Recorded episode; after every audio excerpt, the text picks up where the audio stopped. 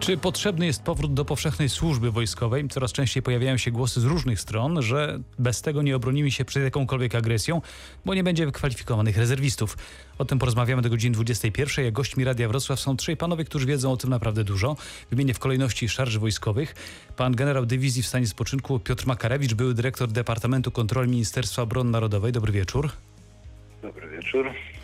Pan generał Brygady Rezerwy Dr Jarosław Stróżyk, adiunkt w Instytucie Studiów Międzynarodowych Uniwersytetu Wrocławskiego, wiceprezes Fundacji Bezpieczeństwa i Rozwoju StratPoints. Dobry wieczór. Dobry wieczór Państwu. I pan podpułkownik dr Witold Rynkiewicz, wykładowca Akademii Wojsk Lądowych we Wrocławiu, były komendant Wojskowej Komendy Uzupełnień nr 3 we Wrocławiu. Dobry wieczór. Dobry wieczór panu, dobry wieczór państwu. Y, panowie, pozwólcie, że zanim mm, zapytam o konkretne rzeczy, najpierw zacznę od fragmentu analizy autorstwa komandora porucznika rezerwy Maksymiliana Dury z artykułu opublikowanego w portalu Defense24. Y, dokładnie 11 lutego 2009 roku ówczesny prezydent Rzeczypospolitej Lech Kaczyński podpisał ustawę pozwalającą na uregulowanie stosunku do służby wojskowej poprzez przeniesienie do rezerwy bez odbywania czynnej służby wojskowej. Obecnie już wiadomo, że decyzja o likwidacji obowiązku odbywania zasadniczej służby wojskowej była nieprzemyślana i spowodowała tak duże szkody, że naprawić je można tylko poprzez powrót do przymusowego poboru. Na jego utrzymanie w różnych formach decyduje się wiele innych państw, w tym tak demokratycznych i rozwiniętych jak Norwegia, Szwecja, Austria, Dania, Grecja i Szwajcaria. Z perspektywy kilkunastu lat to rzeczywiście był błąd. Może bardzo poproszę najpierw o zdanie pana generała Piotra Makarewicza. Cóż, moim zdaniem już od kilku lat ujawniają się skutki fatalnych decyzji podjętych już w 2008 roku. E, krótko przypomnę, że wtedy zwolniono do rezerwy żołnierzy zasadniczej służby wojskowej, a na ich miejsce nie powołano kolejnych i ogłoszono, że rozpoczynamy profesjonalizację naszej armii. Z dnia na dzień Przemilcza...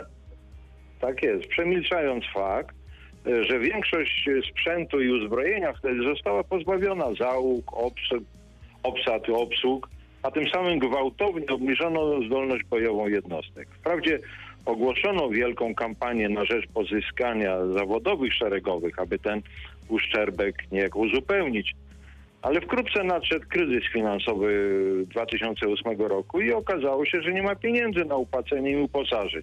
I zrobiła się dziura Pamięta... po prostu, jeżeli chodzi o obsadę. Ależ oczywiście i to, i to znaczna. Pamiętamy y, chyba wszyscy, jak minister finansów zabierał z budżetu MON po kilka miliardów złotych, prawda?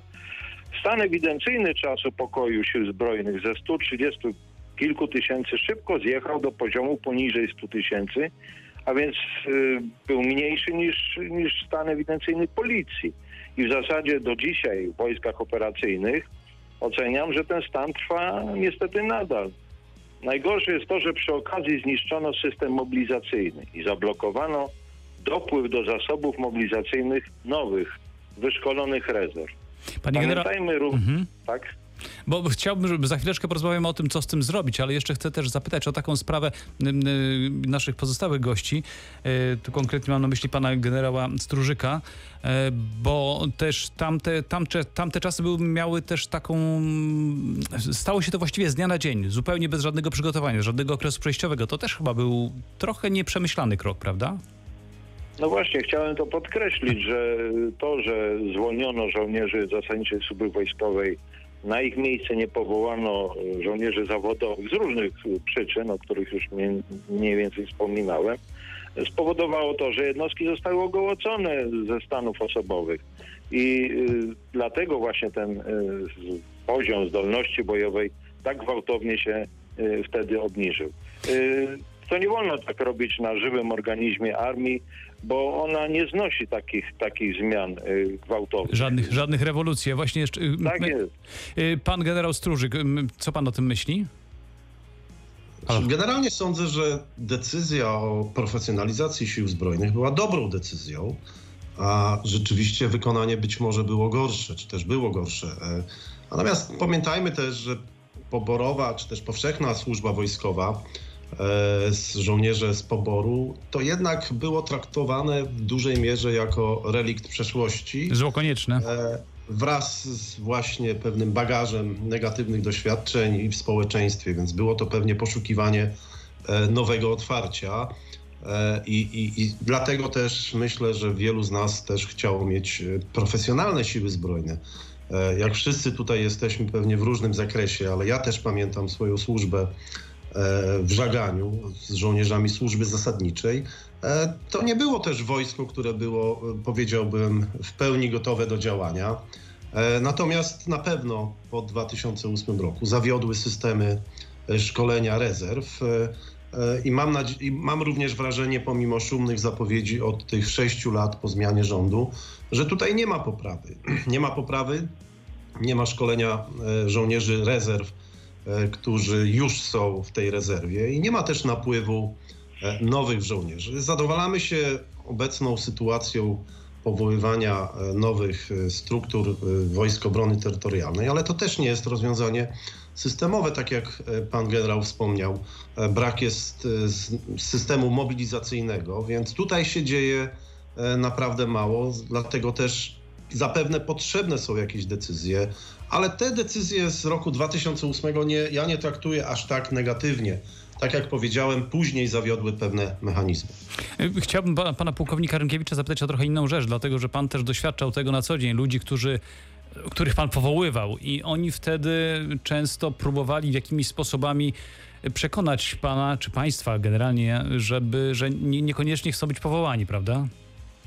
Tak, jak najbardziej. Ja miałem ten bezpośredni kontakt z poborowymi, ale także z ich e, problemami. I dzisiaj, szczerze mówiąc, nie straszyłbym e, osób od 19 powiedzmy do 55 czy 63 roku życia tym, że e, chcemy wprowadzić powszechny pobór i powszechną służbę wojskową. Ale właśnie chciałem zwrócić tutaj uwagę na te kwestie dotyczące poborowych, czyli no, sporo młodych ludzi robiło praktycznie wszystko, by uniknąć tej służby wojskowej. No, znam taki przypadek, w którym poborowy wyjechał, y, de facto uciekł y, przed wojskiem aż na Azory, a inny nawet zmienił y, swoje wyznanie religijne, żeby nie trafić do wojska.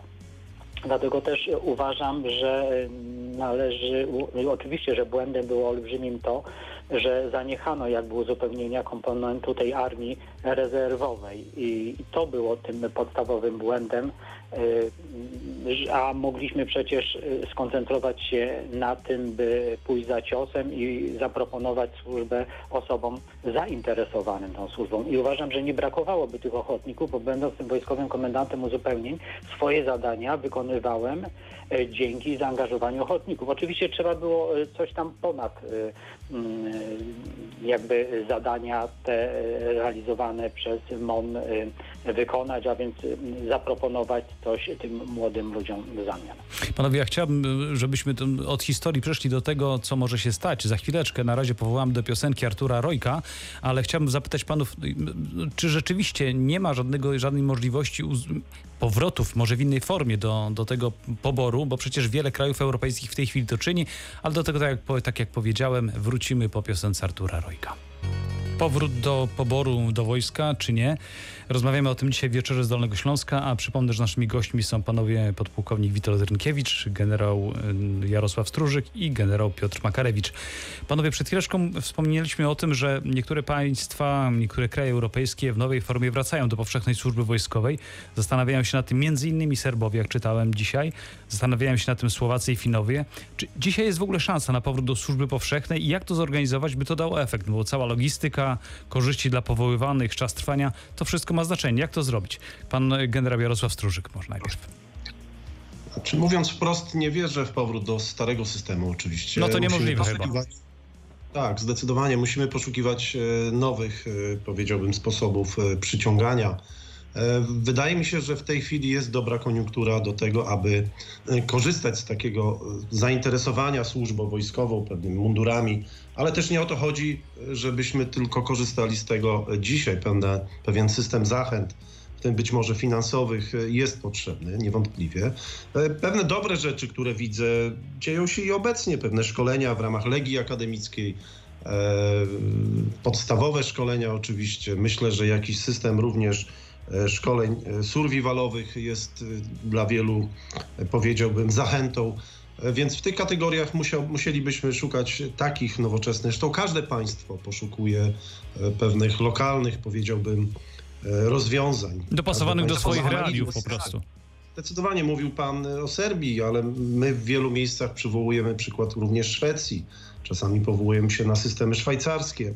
Yy, Daleko nam oczywiście zapewne do Stanów Zjednoczonych, do ich rozbudowanego systemu, ale tam każdy w cudzysłowie oczywiście e, ma broń i ma pewne umiejętności e, i jest to pewien, pewien taki obyczaj wieloletni. Natomiast tak jak mówię, Na pewno warto wykorzystać pewne obecne rozwiązania, ale należy gwałtownie poszukiwać nowych. Pamiętajmy też, inna jeszcze kwestia, to nie tylko szkolenie przecież ze strzelania, szkolenia e, właśnie taktyczne, to też również zapewnienie, co było problemem już w latach 90., na przykład kierowców ciężarówek. E, To są takie również rozwiązania, przygotowania całej logistyki. Więc tutaj mamy wszystkie aspekty e, takiego działania, które oczywiście, i to też chyba po raz kolejny powiem, pomimo szumnych zapowiedzi od, od, e, od wielu lat, czy też obecnej administracji rządowej, ja nie widzę postępu e, w tym zakresie poza, e, powiedziałbym wprost, propagandą. Czyli dużo mówienia, mało czynów. Y, Pan generał Piotr Makarewicz mówił, pan jak zrozumiałem, był największym zwolennikiem tego, żeby jednak w jakiejś formie do tej powszechności wrócić, choć oczywiście, jak sam pan przyznawał, nie ma powrotu do starej służby wojskowej związaną z tym wszystkim, co się utrwaliło, czyli fala i tak dalej. Ale jak pan to widzi w takim razie? Nie, no ja nie jestem zwolennikiem powrotu do automatycznego, do, do starego systemu, bo jest to po prostu w chwili obecnej niemożliwe. Z wielu zresztą przyczyn politycznych, społecznych, ekonomicznych. No świat tak się dalej. zmienił mocno też przecież. Ale rzeczywiście. Trzeba jednak pamiętać, że po 2008 roku zlikwidowano wiele jednostek wojskowych i pozbyto się ogromnych zasobów infrastruktury, bazy szkoleniowej, a co najgorsze, pozbyto się lub pozwolono na odejście do cywila licznych zastępów stosunkowo młodej, dobrze wyszkolonej, doświadczonej kadry oficerskiej i podoficerskiej. W związku z tym zachodzi obawa, że po ewentualnym przywróceniu w jakiejś formie yy, tej służby bardziej powszechnej, nie byłoby gdzie pomieścić tej powiększonej armii, bo ona się niewątpliwie powiększy w stosunku do, do yy, stanu obecnego, ani nie byłoby komu i gdzie jej szkolić. Myślę, że jedynie właśnie zaciąg ochotniczy, ale z całym systemem zachęt i korzyści dla żołnierzy, a później dla rezerwistów, bo uważam, że powinniśmy dążyć do tego, żeby budować korpus osobowy zawodowych rezerwistów, a także utworzenie odpowiednio ukierunkowanych i dobrze wyposażonych centrów szkolenia mogłoby poprawić sytuację. W każdym razie nie może być to na pewno system stosowany przy naborze do Wojsk Obrony Terytorialnej, gdyż mówię o żołnierzach dla potrzeb wojsk operacyjnych. Czyli muszą być żołnierze, żołnierze odpowiednio zmotywowani i wyszkoleni odpowiednio też. Ależ oczywiście nie tylko powiedzmy w jakichś tam zabawach y, w lesie weekendowych i strzelaniach na strzelnicach powiatowych, ale, ale przede wszystkim wyszkolonych w obsłudze coraz bardziej nowoczesnego i skomplikowanego sprzętu bojowego, który no, trafia do naszych jednostek w coraz większym zakresie. Pan pułkownik Witold Trynkiewicz też jest e, wykładowcą na uczelni, również cywilnych studentów. Zdaje się, że sporo jest takich, którzy przejawiają chęć do tego, żeby służyć w wojsku, również tych cywilów. Tak, oczywiście mamy sporo studentów cywilnych i oni też przejawiają taką chęć na przykład odbycia e, tej podstawowej jakby służby e, chociażby w ramach Legii Akademickiej na poziomie tego szeregowego podoficera czy e, w tym roku już oficera. Ale chciałbym też dodać, zgadzając się z panami generałami, ale o jednej kwestii, że wcześniej też były próby, na, na przykład Narodowe Siły Rezerwowe. E, One zaczęły funkcjonować e, w zasadzie chyba od 2010 roku, jako też ta służba ochotnicza. Mm, Ci żołnierze otrzymywali te przydziały kryzysowe. I no i tutaj to też miało być to wzmocnienie do wojsk operacyjnych. Nie do końca wyszło to niestety, ponieważ y, no, doszły tutaj te kwestie związane chociażby z brakiem y, kadry, więc y, to mm, zresztą Ministerstwo Obrony Narodowej w ten sposób sugerowało, że będzie to przepustka do y, służby mm, zawodowej. E, Oczywiście popełniono też szereg błędów, chociażby z żołnierzami nadterminowymi, zwalniając ich e, przed upływem 15 roku służby. Ale e, z pozytywów ja przynajmniej uznaję chociażby te klasy mundurowe w szkołach Te certyfikowane przez MON. Tak, certyfikowane chociażby przez MON. Jest ponoć 200 takich szkół e, kształcących 10 tysięcy uczniów e, w takich chociażby specjalnościach jak cyberbezpieczeństwo. Ale e, tutaj pan generał Stróżyk też mówił o tych przykładach z zewnątrz. No mówimy o powszechnej służbie wojskowej, ale tak naprawdę to ta Szwecja no, przyjęłaby do służby 5 tysięcy rezerwistów, czyli z tą powszechnością trzeba też uważać, ale ten ich sposób mi się też najbardziej podoba. Czyli kierują ankiety i pytają młodych ludzi, czy chcą. Następnie weryfikują, kto nadaje się do tej służby, no i składają sensowne propozycje mm, dla tych y, oczywiście najlepszych. Którzy są już w pewnej części też przygotowani do służby wojskowej, no bo chemika wiele nie trzeba szkolić, e, logistyka również, czy, czy lekarza. tak? No to o czym musi- panowie wcześniej mówili, że tutaj Tak, rozmaite specjalności są potrzebne, o kierowca, ale też o operator skomplikowanego sprzętu i tak dalej. I on najlepiej honorów nie będzie oddawał, czy krokiem defiladowym maszerował, ale y, jest y, specjalistą wysokiej klasy. No i, i w, tym, w tym przypadku podajmy jeszcze przykład Litwy, która mimo, że dziesięciokrotnie mniejsza od Polski, w ramach poboru w 2019 roku, jak wyczytałem, e, na dziewięciomiesięczną służbę zasadniczą tam rozpoczęło 3, prawie 3700 poborowych, z czego prawie 50% wyraziło chęć służenia dalej. Także no, to, to duże liczby. Odpowiedni system zachęcania, to, to o czym panowie mówiliście chyba, prawda? Jeżeli można, jeszcze jedna uwaga odnośnie. Narodowych Sił Rezerwowych, bo tutaj pan pułkownik wspomniał o, o tej formie służby. Y, Ja chcę tutaj przypomnieć, że y, podstaw y, tworzenia tych sił nie leżało, że tak powiem, budowa nie, jakichś powiedzmy zasobów mobilizacyjnych, bo Narodowe Siły Rezerwowe powstały kosztem etatu pokojowego naszych jednostek po prostu część stanowisk z etatu pokojowego y, obsadzono żołnierzami rezerwy, zmniejszając tym samym ilość żołnierzy etatu pokojowego w koszarach, zmniejszając koszta tej, tejże profesjonalizacji. Także to jest y, odrębny temat, ale zgadzam się, że Narodowe Siły Rezerwowe to był po prostu jedno, niestety jeden wielki niewypał. A jeszcze jedną rzecz muszę zapytać, to też pana, pana generała Stróżyka jako wykładowcy akademickiego, czy też to, że nie ma odpowiedniego przedstawiania służby wojskowej nie jest też błędem, bo wydaje mi się, że można by wielu ludzi zachęcić, ale pokutuje cały czas ten taki, taki wizerunek wojska jako właśnie fala, coś przerażającego, coś nienormalnego. Znaczy chyba już nie ma, nie ma tego wśród młodzieży. No to jednak są ludzie, z którymi ja i dzisiaj czy jutro miałem, e, mam, mam zajęcia, to są ludzie dwudziestoparoletni, więc na pewno w rodzinach gdzieś to jeszcze pokutuje, więc e, natomiast zgadzam się z panem, że nie ma systemu e, takiego zachęt, rozmów, jakichś kampanii informacyjnych, tak jak tu już rozmawialiśmy, mamy Wojska Obrony Terytorialnej i nic więcej, które no, de facto nie spełniają roli rezerw operacyjnych, więc wręcz są no niestety w tej chwili oczywiście wykorzystywane e, od, od kilku lat głównie jako, jako forma obrony cywilnej, czy też to, co powinno być realizowane przez typową obronę cywilną w każdym państwie. Więc rzeczywiście tutaj jest wiele do zrobienia i ja głęboko żałuję, że ten dobry czas takiego, e, powiedziałbym, wzmożenia w paru miejscach patriotyzmów, być może w paru miejscach e, sztucznego, ale, ale w dużej mierze tych potrzeb, które gdzieś społeczeństwo rozumie, tego nie wykorzystujemy. Nie ma, nie ma takiego e, wieloletniego myślenia nad systemem, nie ma propozycji. Zatrzymaliśmy się e, na wojskach obrony terytorialnej e, i długo, długo, długo nic. Poza tym, tak jak mówiłem, ja nie widzę też szkolenia rezerw tych, te, które już są. Ja zostałem, mogę też mówić konkretnymi przykładami, trzy lata temu dostałem przydział mobilizacyjny e, po, po dwóch latach bycia w niebycie, natomiast no, nie, nie, nie ma żadnych ćwiczeń, nie ma nie ma jakichś elementów tego ćwiczenia, nawet e, jeżeli w ciągu trzech lat, czy też w ogóle ani razu nie ma takiego szkolenia, to znaczy, że tego systemu dla mnie wciąż nie ma. Pan generał wywołał coś, o czym chciałbym za chwileczkę porozmawiać. Tutaj pozwólcie panowie, że postawimy kropkę, a za chwileczkę wrócimy właśnie do tego, do rezerwy, bo tak naprawdę cały pobór jest związany z tym, żeby rezerwistów wyszkolić. Czemu służą, w jaki sposób to robić. Chciałbym, żebyśmy za moment porozmawiali. Na razie piosenka.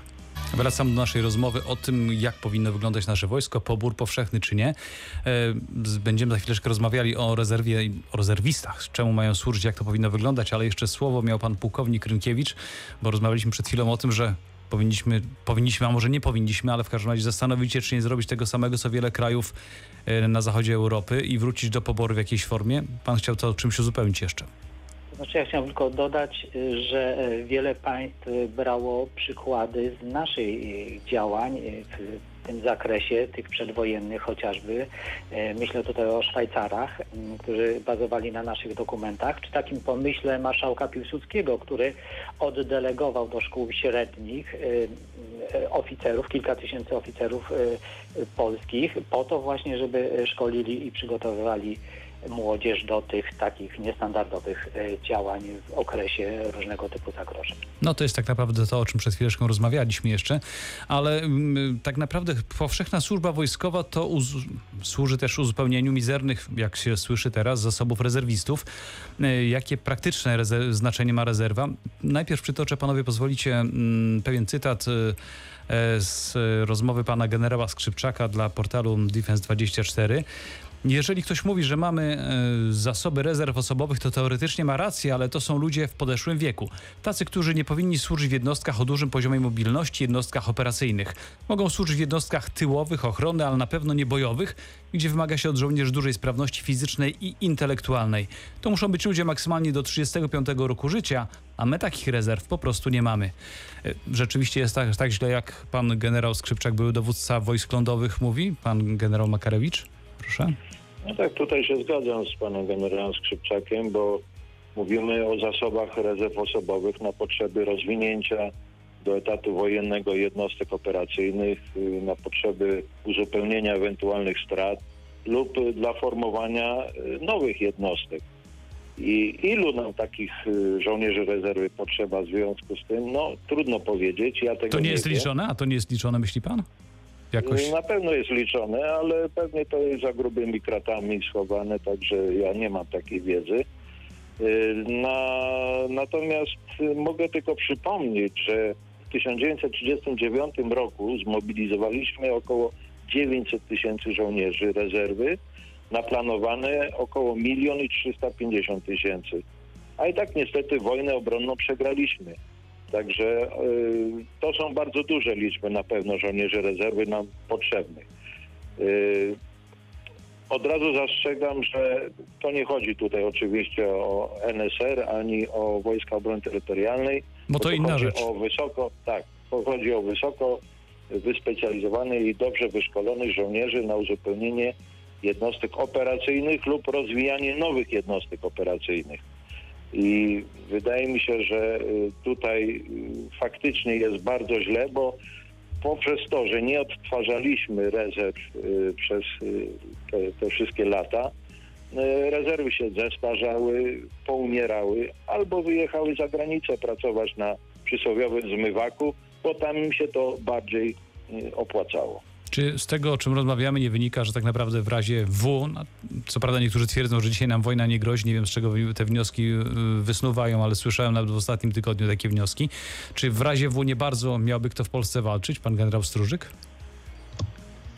No ja mam nadzieję, że nie jest tak źle i oczywiście to pytanie główne, na ile byłaby to wystarczająca liczba żołnierzy, więc można po tych wszystkich naszych tutaj y, dyskusjach stwierdzić, że byłaby ona niewystarczająca. Nie mówiliśmy dzisiaj jeszcze takiego przecież bardzo popularnego stwierdzenia, trochę, trochę mhm. nie do końca prawdziwego, ale w dużej mierze kryje się za tym cały obraz tego systemu, że rezerwy wygrywają wojny. E, więc rzeczywiście system mobilizacyjny państwa, przygotowanie do e, takiego działania całego państwa, wszystkich systemów, podsystemów, e, jest, jest konieczne do tego, aby wygrywać wojny. W jakim stopniu troszeczkę widzimy w tej chwili, że że państwo polskie, służba zdrowia nie radzi sobie na wojnie z, z koronawirusem, więc widzimy, że w paru miejscach jest dużo pracy do zrobienia. Ale tak, zdecydowanie rezerwy są po to, żeby je szybko powołać i one są szybko gotowe do działania. Też patrzymy na, zawsze na ten nie do końca dla nas najlepszy przykład amerykański, ale czerpiemy z tego też jakieś e, przykłady oczywiście, gdzie... E, Mówi pan o Gwardii Narodowej, tak? No mówię tak o Gwardii Narodowej, która i brygady poszczególne są e, po jakimś oczywiście krótkim jeszcze przeszkoleniu gotowości do wysłania ich czy do Afganistanu, czy do Iraku. Tak było w ostatnich 20 latach. Więc o takich też rezerwistów nam chodzi, o cały system kilkuset tysięcznych e, zapewne zasobów rezerwistów e, wyszkolonych, przeszkolonych, znających e, właśnie rzemiosło, nowe systemy kierowania, nowe systemy walki, nowy sprzęt, który rzeczywiście powoli, bo powoli, ale gdzieś się pojawia, przecież przychodzi, chociaż w paru miejscach też odnawiamy czołgi T-72 wciąż, więc no mówię, jest tutaj rzeczywiście E, wiele do zrobienia, o czym chyba mówiliśmy, od systemu szkolenia po system zachęt, e, po pewnie kampanie wciąż jeszcze społeczne. E, wydaje się, że to jest najlepszy moment jeszcze na takie zmiany. Być może nawet w tej chwili, kiedy mamy też trudności i kryzys związany z koronawirusem, żeby takie rzeczy gdzieś od tego dna, powiedziałbym, żeby się odbić i budować na tym E, systemie, którego nie ma, który wiemy, jak powinien wyglądać. Ale przede wszystkim, co mówimy, na jedną rzecz zwróciłbym uwagę, teraz przyszło mi to do głowy, że no, taka sytuacja w tamtym roku, kiedy nagle okazało się, że, zostają, że są powoływani rezerwiści w większej skali niż zwykle, zrobiła się wielka burza. Co się dzieje? Ludzie wzywają do koszar, jaki wojna będzie i tak dalej. Jako coś niezwykłego większość mediów to pokazywała. E, no to tutaj też gdzieś niedopatrzenie w tej sferze, nazwijmy to propagandowej. Pan pułkownik Rynkiewicz, który, któremu to jest szczególnie bliskie chyba. Tak, e, rzeczywiście, no bo przez kilka ostatnich lat e, te, tych ćwiczeń albo w ogóle nie było, żołnierzy rezerwy, albo były w takim minimalnym kształcie. A tutaj no, chciałbym też nawiązać do tego, że ta rezerwa się starzeje. No, kiedyś to była jeszcze rezerwa alarmowa, czyli to byli najmłodsi ludzie, e, czynna, bierna, nieefektywna niestety. I uważam, że ten cały system e, trzeba jak najszybciej zreformować e, w kontekście na przykład obowiązku meldunkowego. Czy ktoś dzisiaj u nas w naszym kraju przestrzega ten obowiązek meldunkowy? No wszyscy mówią, że to jest starość, że to jest zupełnie bez sensu. No, no starość, no ale, ale dobrze, ale no, jakim sposobem mogą dotrzeć karty powołania do rezerwistów? Czy ktoś mi potrafi to wytłumaczyć? No bo ja sobie sam y, nie potrafię odpowiedzieć na to pytanie. Więc y, no, trzeba by było właśnie to y, potraktować kompleksowo no i zastanowić się właśnie, jak dostosować te najnowsze technologie do tych wyzwań, do tych potrzeb, do zmieniającej się rzeczywistości, do tych problemów, które mogą przynieść zagrożenia XXI wieku. No ale to też panowie jeszcze biorąc pod uwagę wszystko to, co się dzieje, to mówimy tu o, o, z jednej strony o rządzących, oczywiście to jest racja, ale z drugiej strony też rządzący mają swoich doradców y, z kręgu wojskowego. Czy nie pora też, żeby zacząć myśleć inaczej? Może no, to po części są panów koledzy, znajomi, którzy, z którymi kiedyś służyliście, pan generał Strużyk. Przecież to, to, to też jest takie wywieranie wpływu od tej strony. Znaczy, żeby być jakby całkowicie szczery, ja nie mam wrażenia, że rząd korzysta e, z porady e, byłych żołnierzy, czy też e, żołnierzy w rezerwie. Mam wrażenie, że tutaj powiedziałbym, krynica wiedzy leży po stronie polityków w wielu miejscach i to jest chyba główny problem, że politycy nie chcą korzystać z porad osób doświadczonych nie tylko w Polsce, za granicą, gdzieś oczywiście również biorących udział w operacjach wojskowych w Iraku, w Afganistanie. Także tutaj moje, moje wrażenie jest odmienne. Tutaj nie ma rzeczywistego korzystania. Czasami jest to fasadowe korzystanie w mojej ocenie. Dlatego, ale to, o czym mówimy, o tym mówił Pan o społeczeństwie, to jest też bardzo ważny element. Takie edukowanie społeczeństwa, tak jak właśnie jest w Szwecji, w państwach bałtyckich, ukazują się broszury specjalne dla społeczeństwa e, na temat reagowania na zagrożenia, to też jest właśnie już wzrost takiej świadomości społecznej, e, taki dobry początek szkolenia rezerw, moim zdaniem. E, plus oczywiście takie szkolenie, że e, wojsko się szkoli, to my powinniśmy się czuć bezpieczniej, a, a nie właśnie mieć jakieś obawy, że coś się dzieje. Kwestia jakichś kanałów informacyjnych w tym zakresie, być może w tych rejonach ćwiczeń. Przecież dzisiaj. Wyjaśnienia tego po prostu. No są to łatwe do, do, do realizacji przy dzisiejszych sposobach e, komunikacji. Więc tutaj e, kolejna, kolejny kamyczek powiedziałbym do tego ogródka. Nie mamy żadnych takich właśnie, nie wiem, czy ktokolwiek byłby w stanie wskazać stronę, w której mogliby obywatele zobaczyć e, sposoby zachowania, reagowania. Bardzo proste rzeczy. W szkołach oczywiście gdzieś powrócił przedmiot quasi przysposobienia obronnego, edukacja dla bezpieczeństwa, ale on też jest traktowany bardzo bardzo pobieżnie i wręcz y, z tego co wiem, a mam kontakt właśnie z takimi nawet uczniami, e, no absolutnie jako zbyteczny przedmiot tutaj jest i od tego już tracimy tych ludzi. E, tracimy ten młody narybek, nie interesujemy ich, tylko po prostu zniechęcamy. Więc ta warstwa zachęty i edukacji całego społeczeństwa jest równie ważna e, jak szkolenie tych rezerw, bo oczywiście, i to mówił pan pułkownik Rynkiewicz, nie będzie to całe społeczeństwo przecież w rezerwie, ale gdzieś procent tego społeczeństwa, każdego rocznika, kilkadziesiąt procent powinno być dobrze przeszkolonych i dobrze przygotowanych e, do obrony ojczyzny. Panowie, chciałbym, żeby, żebyśmy za chwileczkę podsumowali to, o czym rozmawialiśmy. Na razie piosenka. Za moment wracam do rozmowy naszej. Czy młodzi dolnoślązacy powinni się obawiać, albo czy powinni liczyć na to, że w ciągu najbliższych lat zostaną powołani do służby wojskowej, tak jak niegdyś bywało? Między innymi o tym rozmawiamy dzisiaj w wieczorze z Dolnego Śląska. Naszych gości chciałbym na koniec jeszcze zapytać z panów punktu widzenia, co takie krótkie podsumowanie, rezime, co się powinno stać, żeby żebyśmy się czuli trochę bezpieczniej w sytuacji, gdyby doszło do W, no to przecież nigdy nie jest wykluczone. Y, poproszę pana generała Piotra Makarewicza.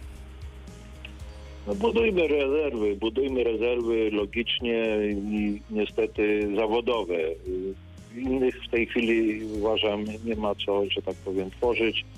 Y, musimy stworzyć cały system zachęt, aby y, ktoś chciał być żołnierzem rezerwy. Na przykład pierwszeństwo w zatrudnieniu w instytucjach państwowych lub w spółkach Skarbu Państwa godziwe dodatkowe uposażenie dla zawodowego żołnierza rezerwy. Czy dodatek do emerytury. Ulgi, jak, czy dodatek do emerytury. Jakieś ulgi, nawet podatkowe, czy powiedzmy, no jest tych wariantów mnóstwo, ale bez pieniędzy tego się nie da zrobić.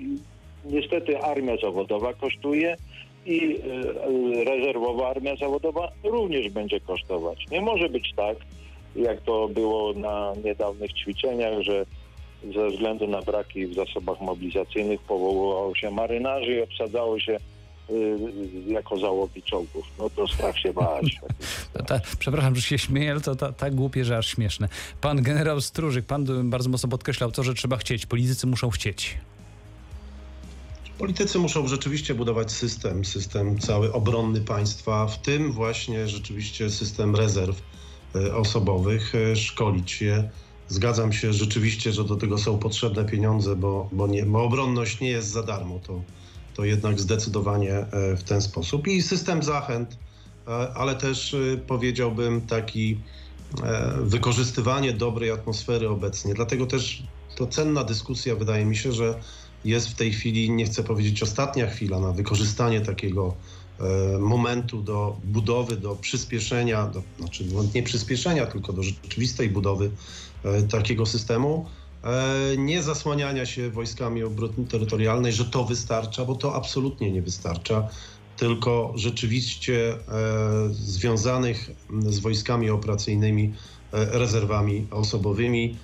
Wierzę, że jest to możliwe przy wykorzystaniu naszego potencjału bez podziału na barwy polityczne. Myślę, że jesteśmy w stanie to oczywiście zrobić, choć mam E, lekkie obawy, że finanse tutaj zawsze będą e, przeszkodą.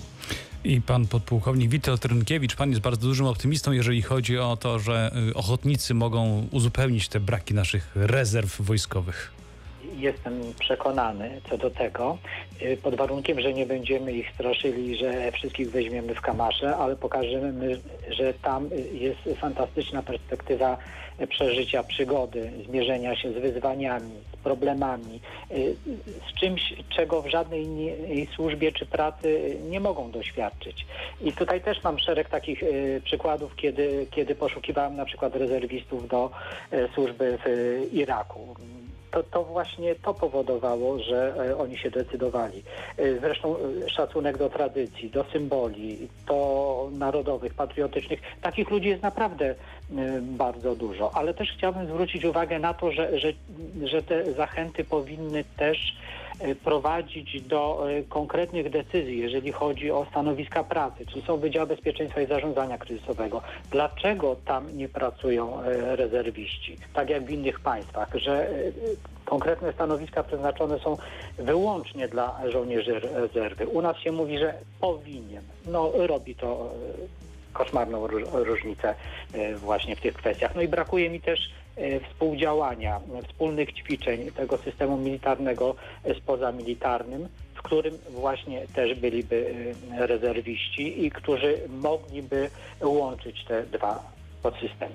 A ja jako puentę tej naszej dzisiejszej rozmowy chciałbym przytoczyć fragment artykułu Pauliny Glińskiej i Tadeusza Wróbla z Polski Zbrojnej. Cytuję, nie można jednak zapomnieć o jeszcze jednym. Konstytucyjny obowiązek obrony kraju spoczywa na każdym z nas i często potencjał oraz determinacja zwykłych obywateli decydują o zwycięstwie lub porażce w konflikcie zbrojnym. Dziękuję panom bardzo. Dzisiaj przypomnę, że naszymi gośćmi byli generał dywizji w stanie spoczynku Piotr Makarewicz, były dyrektor Departamentu Kontroli Ministerstwa Obrony Narodowej, pan generał Brygady Rezerwy dr Jarosław Stróżyk, adiunkt w Instytucie Studiów Międzynarodowych Uniwersytetu Wrocławskiego, wiceprezes Fundacji Bezpieczeństwa i Rozwoju StratPoints oraz pan podpułkownik Witold Trynkiewicz, wykładowca Akademii Wojsk Lądowych we Wrocławiu. Bardzo panom dziękuję. E, Dziękujemy. dziękuję serdecznie. Noc. I dobrej nocy życzę Państwu też bezpiecznej i dobrej nocy. Za uwagę dziękuję Dominiko Tręba i Maciej Sas.